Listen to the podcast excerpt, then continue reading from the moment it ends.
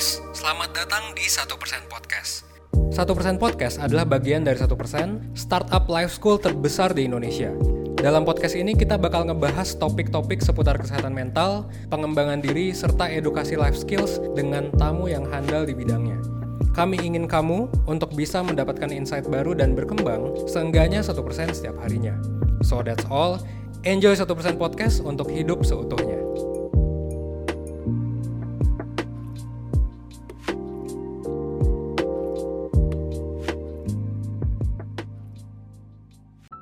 Halo, selamat datang kembali di satu persen podcast bersama Jo yang bakal nemenin kalian nih para perseners yang sedang beraktivitas maupun lagi nyantai-nyantai nih di rumah. Nah, hari ini nih gue nggak bakal sendirian ya, gue nggak bakal bermonolog, gue bakal berdialog nih sama kakak yang keren, yaitu Kak Rahmat Haki dari Psikolog satu persen. Halo Jo, Boleh kak diperkenalkan nih uh, ke para perseners? Oke, oke perseners. Mungkin beberapa episode yang lalu udah pernah dengar juga ya podcast aku. Aku kenalin diri lagi ya. Nama aku Rahmat Haki Utama. Aku di sini sebagai mentor satu persen. Mungkin teman-teman juga sudah pernah dengar aku namanya ya. Nah, sekarang balik lagi nih. Aku uh, jadi pengisi podcast untuk hari ini bersama Jo. Gitu Jo. Oke kak, kakak kesibukannya apa aja nih kak lagi covid begini? Sebenarnya ya kesibukan aku sih paling utama di sini aja sih, jadi mentor di satu persen gitu. Sama mungkin ada rencana mau persiapan S2 dan mau coba CPNS juga tahun ini. Gitu sih Jo. Kalau kamu apa Jo? Kesibukan? Kalau aku ya kuliah, nugas gitu kan. Sama sekarang juga lagi volunteer di satu persen. Gitu-gitu aja sih. Cuman kak masalah covid kayak gini kan kayak udah lama banget ya. Udah udah satu tahun lebih ya kita uh, pandemik gitu. Betul betul.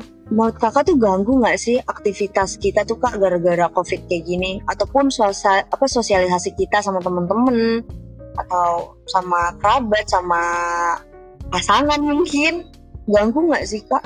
Oke, kalau menurut aku pribadi sih sebenarnya ganggu ya ganggu banget. Apalagi aku tipe orang yang senang main gitu ya, ekstrovert parah lah ya, yang ngumpul, senangnya bercandaria secara langsung gitu tuh aku benar-benar ngerasain ya tiga empat bulan pertama tuh kayak, duh kok gini banget ya nggak enak banget gitu ya biasanya tiap hari. Hmm. dulu ketemu orang gitu sekarang ya boro-boro gitu ya mau ketemu orang kadang online pun sulit gitu ya waktu tiga empat bulan pertama gitu ya. Tapi mau gimana lagi ya namanya situasi akhirnya ya coba beradaptasi lah akhirnya dengan eh, segala cara gimana caranya supaya walaupun nggak ketemu langsung tapi tetap bisa interaksi dengan teman-teman lain gitu ya salah satunya dengan kayak gini lah kita ngobrol-ngobrol di podcast kayak gini Iya.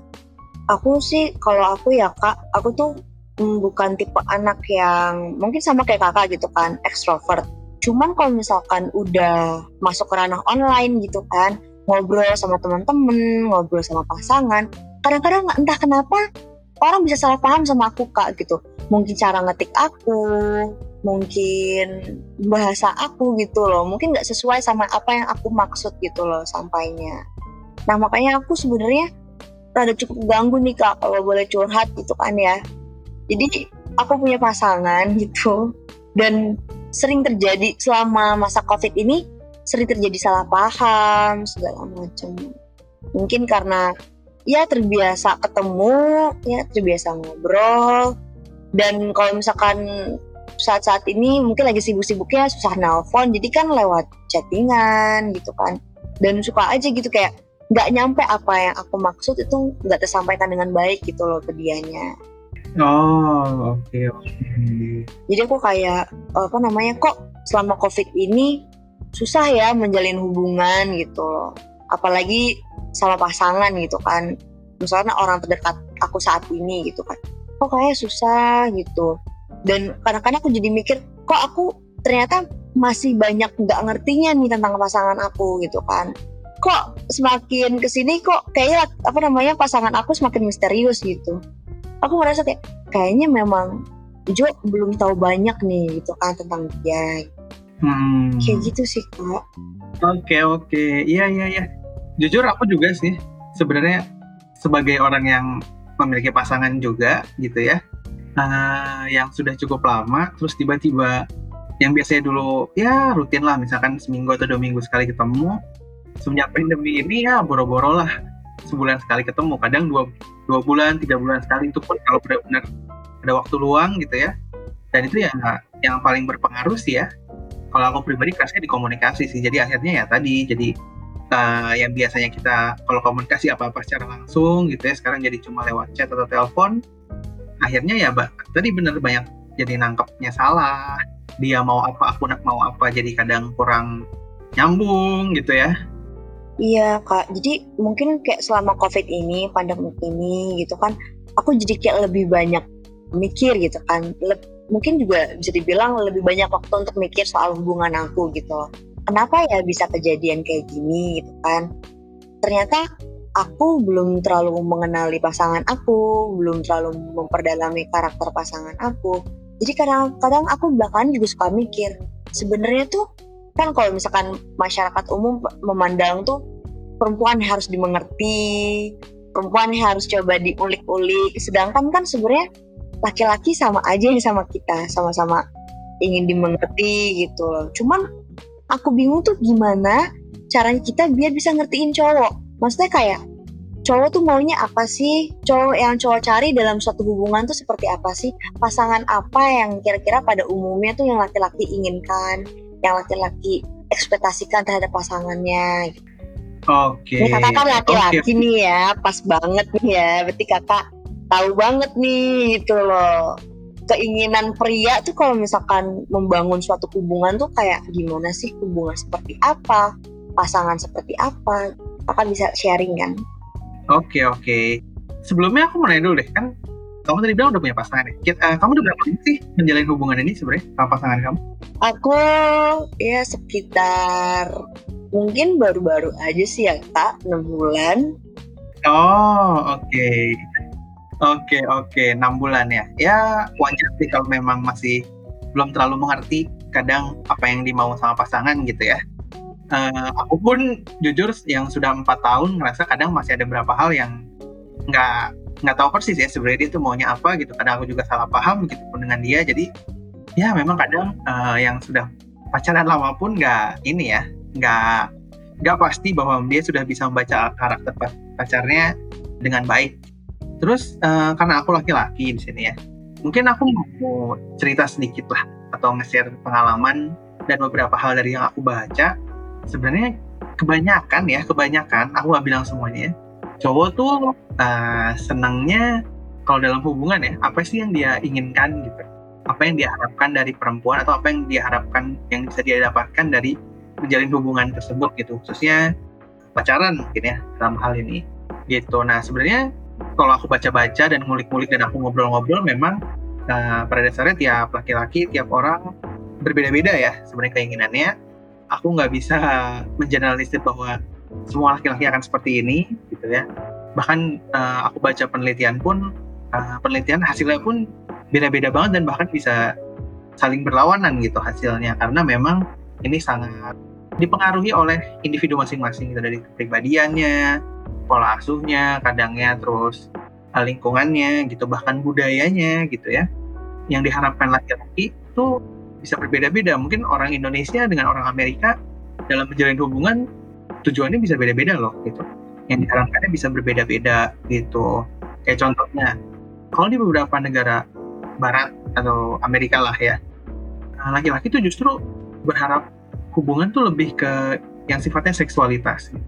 Dia mendapatkan uh, hubungan seks yang baik dengan pasangannya. Seperti itu. Bahkan ada penelitian yang bilang bahwa kalau di Amerika tuh laki-laki sebenarnya uh, yang memiliki hubungan baik dengan pacarnya dia cenderung memiliki hubungan seks yang rutin. Gitu itu. Kalau di Amerika karena culture-nya begitu ya. Nah, dan sangat berbeda jauh hasilnya dengan apa yang di Indonesia sebenarnya. Di Indonesia atau beberapa negara timur lainnya gitu ya. Nah mungkin di sini aku akan coba share kalau di negara-negara mungkin seperti Indonesia dan negara timur yang lainnya itu apa sih yang diharapkan laki-laki dalam menjalin hubungan? Nah, sekarang aku mau nanya dulu ke kamu, Cuk. Menurut kamu nih, sebagai yang sudah enam bulan menjalin hubungan, um, biasanya laki-laki tuh kalau pacaran apa sih yang dicari gitu? Nah, yang kamu rasakan aja gimana, Cuk, sejauh ini? aku berdasarkan mungkin bisa dibilang pengalaman aku juga yang dulu bisa ya pengalaman aku dulu Mhm. sebelum sama yang enam bulan saat ini dan berdasarkan curhatan teman-teman aku juga deh kayaknya. Kalau misalkan mereka sih bilang mereka itu membangun suatu hubungan itu bisa dibilang kayak mencari pasangan tuh juga buat jadi pengganti ibunya. Karena gimana ya waktu itu Oke. sempat ada omongan yang kayak eh, selama ini mungkin ada beberapa anak yang emang terbiasa dimanja sama ibunya. Tapi kan karena semakin beranjak dewasa yang namanya laki ya malu kan ya. Kalau misalkan masih di- dimanja sama ibunya ya mereka mencari sosok nih gitu kan yang bisa menyayangi dia sama seperti ibunya menyayangi dia waktu dulu gitu kan. Aku sempat sempat dengar dari temen aku sih kayak gitu kayak dia mau mengeluarkan sisi anak kecilnya dia pengen dapat temen juga keluarga juga uh, tempat sharing. Dan kalau misalkan anak-anak zaman sekarang bilangnya rumah lah ya dibilang katanya rumah. Oke oke paham. Kalau aku pribadi dulu selalu dapat stigma ya, dapat stigma. Dan mungkin juga ini dirasakan oleh beberapa laki-laki bahwa sebenarnya yang pertama dia harapkan dari sebuah hubungan atau dia melihat seseorang yang menurut dia cocok untuk di apa ya menjalin hubungan gitu ya biasanya stigmanya adalah laki-laki pasti ngeliatnya fisik dulu. Oke. Gitu ya. Ketertarikan fisik gitu. Menurut uh, beberapa orang yang aku dapatkan sih seperti itu. Nah tapi ternyata aku menemukan sebuah penelitian uh, dari Women's Health memang benar pria uh, memiliki ketertarikan fisiknya cukup besar tapi bukan itu yang menjadi uh, alasan pertamanya. Alasan utamanya bukan itu sebenarnya. Menurut Women's Health sebenarnya ada empat hal lain selain ketertarikan fisik tadi. Oke. Yang akhirnya pria tuh uh, merasa membutuhkan dalam setiap hubungannya. Nah, menurut penelitiannya 98%, 98% laki-laki itu menginginkan mem- mem- perempuan yang memperlakukan mereka dengan hormat oke gitu. Gitu. Jadi benar banget tadi kalau kata kamu bilang bahwa laki-laki itu senang banget akhirnya kalau uh, dimengerti, dimanja gitu ya. Karena dia sangat senang kalau dia berasa dihormati sebagai laki-laki apalagi nanti kalau sudah berkeluarga mungkin ya kalau aku dapat cerita dari teman-teman yang sudah berkeluarga dia sangat senang kalau dia benar-benar diayomi gitu dari perempuannya kalau pulang tuh ditanyain mau makan apa misalnya Nah, di, terus di apa dipijitin lah. Nah itu laki-laki sangat senang dengan hal seperti itu menurut penelitian dari Women's Health. Itu yang tadi eh, yang pertama ya. Eh, yang kedua 97% bilang bahwa laki-laki butuh pasangan yang dapat dipercaya. Yang dalam artian ini adalah bisa jadi tempat curhatnya. Oke iya betul. Betul, tadi yang kata kamu bilang juga bener nih bahwa ternyata laki-laki tuh senang sama perempuan yang bisa mendengar dia gitu. Jadi jangan jangan maksudnya jangan perempuan hanya mau didengar, tapi laki-laki pun ternyata mau dia didengar sebenarnya kalau lagi ada masalah, lagi ada keluh kesah gitu ya. Karena kan selama ini stigmanya ya aku sering banget dapet kok laki-laki nangis sih gitu ya emang kenapa kalau laki-laki nangis ya emang kenapa kan sama-sama manusia ya Nah, betul sekali. Ya, Laki-laki juga bisa nangis loh gitu ya. Makanya laki-laki juga butuh tempat curhat loh. Mungkin selain ibunya, karena kan biasanya laki-laki tuh cenderung pengen curhat ke perempuan ya, kalau yang aku rasakan. Ya, selain ibunya ya mungkin pasangannya, orang lain yang ingin jadi tempat curhatnya. Gitu. Nah, terus yang ketiga, yang ketiga nih, 95% laki-laki tuh ingin pasangan yang didapatkan bisa mengkomunikasikan keinginan dan kebutuhannya dengan baik. Nah, makanya akhirnya kenapa banyak laki-laki tuh yang nggak suka dikodein oke iya iya gitu. Nah, jadi kan makanya suka banget banget apa banyak banget meme meme meme gitu yang uh, mengatakan apa sih ya perempuan jangan kode lah terus apa sih kamus untuk menerjemahkan kata-kata perempuan terus tebel gitu ya. laki-laki bukan cenayang ya kak Nah, gitu. Laki-laki tuh justru butuh kepastian, apalagi mayoritas laki-laki kan dia senang berpikir dengan logika, yang di mana dia senang dengan sesuatu yang konkret sebenarnya. Eh, jadi agak sulit kalau misalkan "Teh, kamu makan apa terserah, makan ke sini ya nggak mau, makan ke sini ya nggak mau gitu kan banyak banget tuh ya bercandaan kayak gitu. Tapi kita ditanya maunya terserah. Nah yang kayak gitu tuh, tuh wah itu kayak ahli tafsir di mana pun juga kayaknya nggak bisa tuh ngomong terserah gitu. jadi berdasarkan apa yang kakak udah kemukakan tadi ya Hmm. ternyata emang laki-laki sama perempuan itu nggak jauh beda ya kak Nah, kayak iya ya kayak misalkan yang terakhir aja poin terakhir yang kakak bilang tadi itu soal ternyata aku juga baru maksudnya baru dapat ilmunya gitu loh. Ternyata laki-laki juga istilahnya mencari pasangan yang humoris gitu kan. Betul. Sama sama perempuan kan. Bahkan katanya ada yang suka bilang kan uh, yang humoris tuh bisa ngalahin orang yang tampan atau segala macem. Iya ya berarti nggak jauh nggak jauh beda. Yang sama-sama manusia sama-sama perasa kebutuhannya juga nggak jauh beda laki-laki sama perempuan betul sekali. Nah ini juga menarik nih. Aku juga beberapa waktu lalu sempat baca ada penelitian yang menyebutkan sebenarnya ya kebutuhan laki-laki dan perempuan pada akhirnya dia juga memiliki kesamaan similarity-nya juga cukup tinggi gitu ya. Kayak tadi perempuan juga pengen punya laki-laki yang bisa jadi tempat curhat kan begitupun dengan laki-laki gitu. Terus tadinya soal humoris juga. Jadi memang sebenarnya aku pernah dapat penelitian ya kebutuhan laki-laki maupun wanita dalam menjalin hubungan tuh memiliki kecenderungan yang sama sih bahkan uh, bisa dibilang mirip. Gitu sih. Berarti bisa dibilang tuh emang karena kita sama-sama manusia sama-sama perasa sama-sama punya kebutuhan sebenarnya sama aja. Yang bikin beda itu sudut pandang masyarakat nggak sih kak tentang gender? Laki-laki sama perempuan. Betul. Laki-laki harus seperti ini perempuan harus seperti itu gitu loh Betul, betul. Nah, aku juga pernah baca bahwa uh, ya pada akhirnya tadi stigma ya, stigma tadi itu terbentuk ya karena memang kita dari kecil selalu dibilangin bahwa laki-laki itu pola asuhnya pasti selalu dibilang, oh, laki-laki nangis sih, yang kayak gitu. Laki-laki kuat nih, harus pokoknya segala sesuatu yang berhubungan dengan kekuatan. Sedangkan kalau perempuan kan selalu dari kecil uh, diajarin kayak berhubungan dengan sesuatu yang lemah lembut gitu ya. Eh perempuan nggak boleh gitu dong, ngomongnya pelan, misalnya terus uh, identik dengan sesuatu yang soft gitu ya. Dengan laki-laki sesuatu dengan yang hard yang keras kayak gitu ya. Itu pada akhirnya tadi makanya aku bilang nggak semua laki-laki itu butuh kebutuhan yang sama kayak gini ya. Karena balik lagi ke bagaimana si laki-laki itu dibesarkan. Salah satu paling banyak bahwa laki-laki tadi dibesarkan ya kamu nggak boleh nangis dong kayak gitu. Kalau perempuan nah, eh kok cemberut sih? Senyum dong kayak gitu. Jadi uh, akhirnya pola asuh yang membentuk masing-masing keinginan laki-laki maupun perempuan dalam menjalin hubungannya gitu sih Jo. Ternyata tuh eh, nggak uh, cuma perempuan doang yang susah dimengerti sebenarnya kalau bisa dibilang gitu. Nah, sama-sama laki-laki juga kadang-kadang emang susah dimengerti juga gitu. Oke. Okay. Gimana tuh? Karena yang kayak misalkan tadi kakak bilang kan soal stigma itu pengaruhnya berarti emang besar banget sih kak. Hmm. Kayak misalkan yang tadi kakak bilang lagi gitu laki-laki itu uh, kok nangis sih cengeng gitu kan. Hmm. Nah karena stigma tersebut mereka tumbuh menjadi kepribadian ya tergantung sih ya. Mungkin beberapa laki-laki itu terbuka tapi berdasarkan pengalaman aku, pasangan aku ataupun orang-orang yang dulu sama aku, bahkan sahabat-sahabat lawan jenis aku itu mereka cenderung tertutup kalau misalkan mereka punya masalah. Lebih suka ngelesain sendiri, pendem sendiri gitu loh. Jadi uh, mereka cenderung tertutup jadi nggak terbuka nih, misalkan sama pasangannya gitu kan. Kayak mikir mungkin mereka mikir gini ah kalau misalkan gue nunjukin kelemahan gue nunjukin keluhan gue nanti dia uh, mandang gue lemah. Kan gue pemimpin kan gue harus lebih kuat lah dibandingkan dia gitu. Nah betul betul.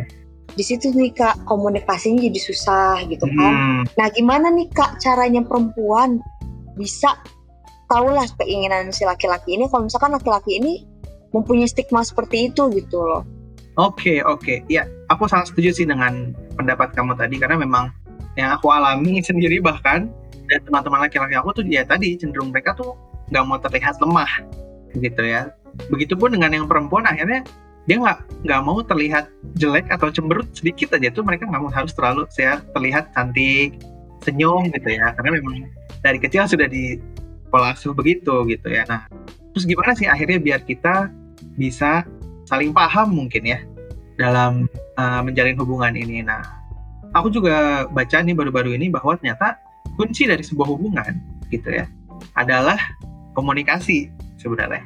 Jadi kalau nggak salah penelitiannya menyebutkan pada saat itu bilang bahwa sekitar 70 sampai 80 persen yang hubungan gagal di tengah jalan itu uh, penyebabnya adalah mereka komunikasi yang buruk. Ya tadi jarang ngobrol misalnya atau jarang bercanda ngobrolnya serius mulu gitu ya terus atau kalau ada masalah nggak pernah dikomunikasiin gitu ya. Nah lalu jadi akhirnya gimana nih? Biar supaya komunikasinya bisa baik ya. Kuncinya adalah trust saling percaya satu sama lain. Yang laki-laki harus percaya bahwa kamu cerita tuh nggak bukan berarti lemah kok. Setiap orang butuh teman cerita. Yang perempuan juga harus percaya bahwa ya aku cemberut dikit nggak apa-apa lah gitu ya toh uh, manusiawi nggak nggak harus senyum terus kan di depan banyak orang misalnya jadi akhirnya mereka saling trust uh, jadi bisa saling percaya satu sama lain akhirnya komunikasi mereka pun jadi bisa lebih baik ke depannya dan mengurangi uh, kemungkinan kandas ya hubungan di tengah jalan. Kadang-kadang uh, apa namanya dalam satu hubungan itu, iya komunikasi itu penting kak. Tapi kepekaan itu penting juga nggak sih kak?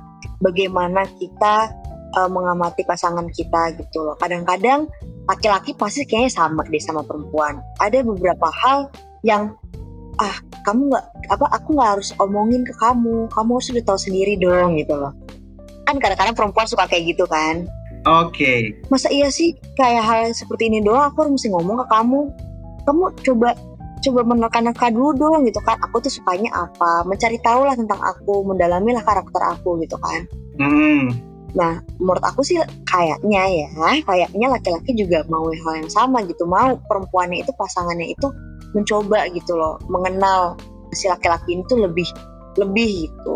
Kalau misalkan takut ada kesalahpahaman baru dikomunikasikan. Oke, okay, nah sebenarnya ya kalau berdasarkan survei yang tadi ya, survei yang dilakukan oleh Women's Health, justru sebenarnya yang kayak gitu yang nggak kurang disukai sama laki-laki gitu kok. Justru laki-laki itu pengennya tadi kan komunikasinya jelas. Butuhnya apa dikomunikasikan. Karena tadi yang aku bilang mungkin karena pola asuh ya, karena pola asuh akhirnya laki-laki lebih berpikir dengan logika dan konkret akhirnya dia butuhnya ya udah kamu butuh apa ngomong gitu jangan diam-diam aja misalnya gitu kan makanya tadi aku bilang laki-laki tuh nggak nggak suka dikode gitu gitu. Nah walaupun sebenarnya komunikasi kan memang ada dua jenis ya ada verbal dan non verbal pun sebenarnya balik lagi ya ke hubungan mereka gitu.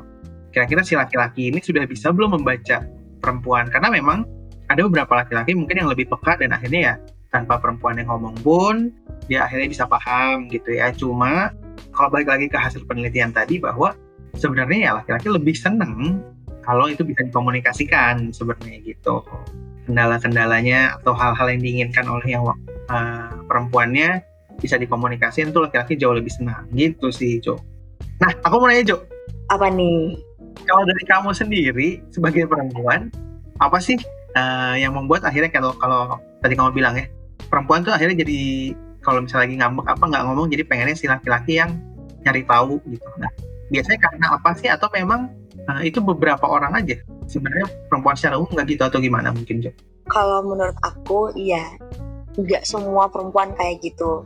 Karena aku termasuk anak yang demen ngobrol ya kak. Demen ngobrol demen diskusi cerewet juga.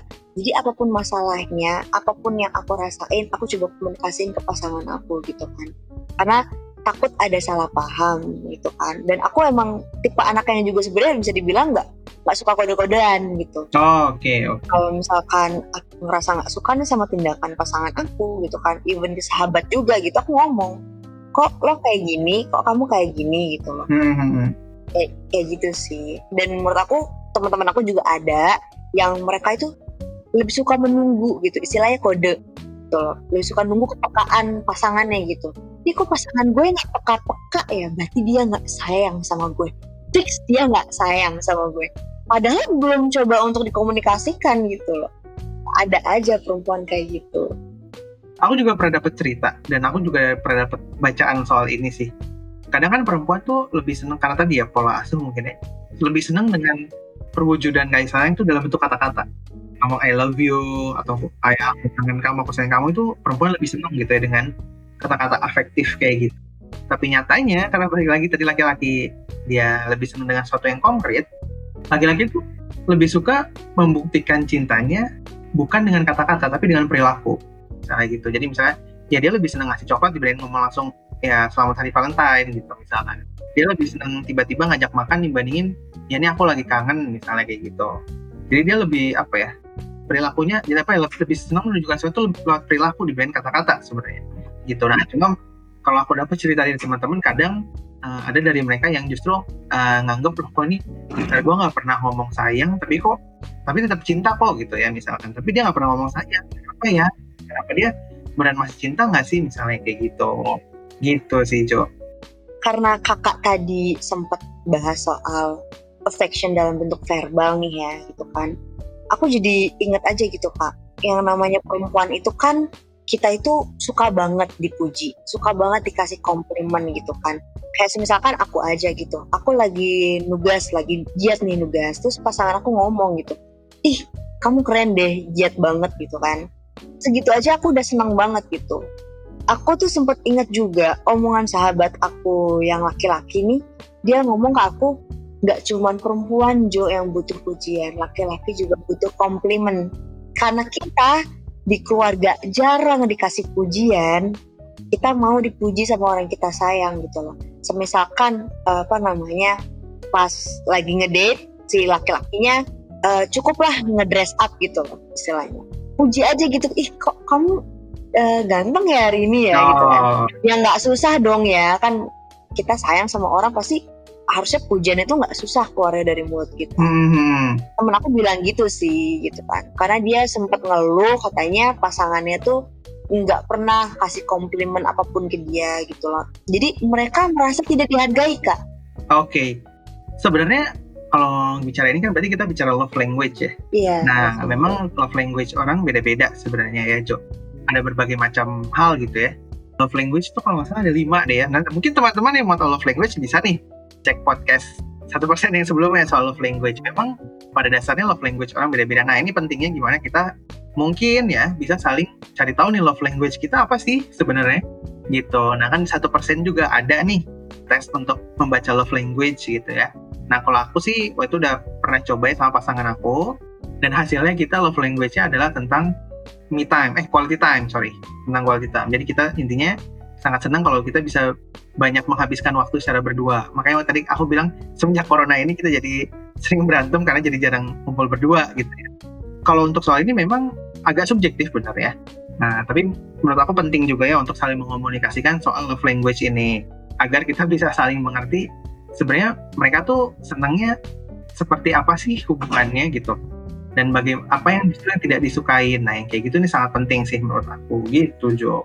Jadi namanya komunikasi udah penting banget deh udah gitu. betul. Gitu. apa pun komunikasiin aja gitu kan Ter keterbukaan tuh penting banget. Betul betul. Nah dan sebelumnya nih kan kakak juga sempat singgung nih yang soal ya kan pria terbiasa terlihat kuat ya kan. Cuman kan para pria juga pasti bisa merasakan sedih terpuruk gitu. Nah gimana sih kak kalau misalkan sebagai aku nih uh, wanita gitu loh. Gimana cara menghadapi laki-laki yang sedang terpuruk gitu loh? Aku harus ngapain sih? Oke okay. uh, eh, sebenarnya secara umum ya nggak harus laki-laki aja. Kalau memang dalam keadaan sedang sedih itu memang biasanya mereka cenderung ingin didengar dan dimengerti sebenarnya. Gitu. Yang pasti ya ketika memang dia lagi sedih jangan dijudge gitu yang pertama ya. Jangan dibilang ya kamu gini doang masa nangis? Aku nih pernah nih dulu akhirnya jadi berlomba-lomba kesedihan kan ada yang kayak gitu ya. Gitu. Jadi jangan sampai dijudge itu yang pertama. Yang kedua ya kalau bisa jadi pendengar yang baik dengerin dia maunya apa sih tuh harapan dia apa sih? Ya kalau misalkan si cowok ini pengen nangis ya udah nangis aja kayak yang tadi aku bilang cowok juga boleh nangis kok gitu ya. Gitu dan memang ya kalau dirasa masalahnya sudah terlalu berat tidak ada salahnya untuk merefer dia ke profesional. Mungkin salah satunya mentoring satu persen misalnya gitu ya itu bisa banget tuh kalau misalnya punya masalah entah dalam hubungan maupun di luar hubungan karena memang salah satu apa ya bahasanya kategori masalah yang bisa ditangani mentor adalah masalah tentang hubungan gitu. Aku sempat kepikiran aja gitu tadi. Keinget omongan kakak sebenarnya. Kakak sebelumnya di awal-awal banget ceritakan uh, sempat nyinggung juga kalau kakak itu sekarang punya hubungan yang bertahun-tahun gitu. Hmm. Nah, gimana sih kak? Kakak tuh cara menjaga hubungan bisa sampai bertahun-tahun? Karena jujur aja aku tuh nggak pernah lebih dari 8 bulan. Oh, oke. Okay. aku nggak pernah lebih dari 8 bulan gitu. Dan aku karena suka bingung sama teman-teman. Hah gila lo tiga setengah tahun pacaran? Gimana gitu apalagi di pandemi kayak gini ya kan? Oke. Okay. ya sebenarnya jujur aku yang empat tahun pun baru sama sekarang. Sebelum sebelumnya ya sama lah kayak kamu maksimal 9 bulan gitu. Nah, nah apa sih yang membuat akhirnya yang sekarang bisa langgeng? Ya aku merasa banget nih ya bahwa yang sekarang nih memiliki empat hal tadi yang aku sebutin di awal gitu. Dia punya humoris yang baik dia bisa jadi pendengar yang baik dia kalau ada masalah selalu komunikasi kita akhirnya jadi saling trust gitu ya. Nah aku merasa kalau yang sama sebelum-sebelumnya tuh apa ya kayak entah dia kurang humoris Oke. dia kurang bisa jadi pendengar kayak gitu. Ada aja lah hal yang buat akhirnya kita nggak cocok gitu ya. Terus ditambah plus mungkin kalau aku karena tadi love language-nya kulit hitam aku pernah sama orang LDR ya itu cuma tiga bulan. Akhirnya kan aku nggak bisa banget LDR tuh nah jadi nah, kalau aku rasa sih kuncinya tadi empat hal tadi sih. Bisa jadi pendengar yang baik bisa dia bisa mengayomi terus uh, bisa jadi apa dia bisa mengkomunikasikan segala hal gitu ya. Jadi dari aku komunikasinya baik, dia juga baik akhirnya. Nggak pernah ada yang kita simpen. Kalau berantem juga kita nggak pernah lama gitu ya. Yang sekarang kayak sehari ya besoknya udah baikan karena semua kita benar-benar clearkan hari itu gitu ya. Nggak ada diem-dieman sama sekali. Sama yang terakhir ya kebetulan aku juga tipe orang suka bercanda, dia juga suka bercanda. Akhirnya ya ya udah klop lah gitu kebetulan gitu sih Jo. Oke, jadi tuh bisa disimpulin tuh berdasarkan obrolan kita ya yang namanya laki-laki perempuan itu sama. Jadi ini buat para perseners nih yang para perempuan yang bingung banget kok laki-laki gue misterius gitu kan. Kok dia tertutup dan lain-lain. Bener kata Kak Rahmat. Bener banget kalau misalkan komunikasi itu yang paling utama, yang paling penting. Apa yang kamu, apa pun yang para perseners pikirin, bingungin, coba komunikasiin dengan pasangan gitu. Betul. Tanya gitu loh bener sih ya berarti emang komunikasi dulu sih yang paling penting. Betul betul. Karena dari situ kita bisa lebih paham sama pasangan masing-masing gitu. Betul sekali. Nah jadi gitu perseners uh, berdasarkan uh, obrolan gue sama kak Haki itu yaitu dia yang namanya hubungan kan dua arah ya kan? Jadi emang harus saling komunikasi entah itu perempuan harus coba untuk memahamin si laki-laki, begitupun juga dengan sebaliknya gitu. Intinya laki-laki juga sama kok kayak kita gitu loh. Mereka mempunyai keinginan juga, kebutuhan juga. Nah kuncinya berarti emang dikomunikasi aja. Jadi nggak usah takut, nggak usah mikir-mikir, nggak usah bingung, malah jadi curhat ke orang lain dulu. Langsung aja kamu tanyain ke pasangan kamu gitu loh. Cari jalan tengahnya, cari solusinya kalau misalkan ada masalah.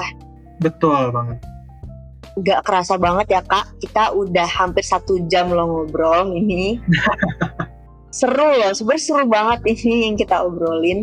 Semoga juga para perseners enjoy nih ngedengerin Jo sama Kak Haki ngobrol. Semoga juga ilmu yang kita dapat nih dari Kak Haki bisa kita praktekin juga di kehidupan kita gitu. Kadang-kadang kan emang kalau misalkan kita ngomong doang gini ya gampang ya kak. Kadang-kadang prakteknya suka susah nih kalau misalkan punya pasangan.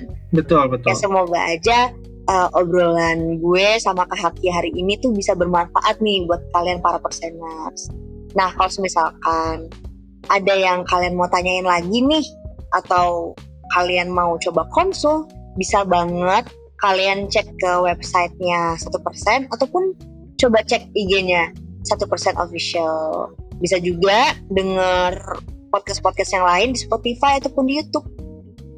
Oke okay, guys, jadi sampai sini dulu. Uh, gue sama Kak Haki pamit undur diri dulu ya. Terima kasih para perseners. Dadah. Dadah.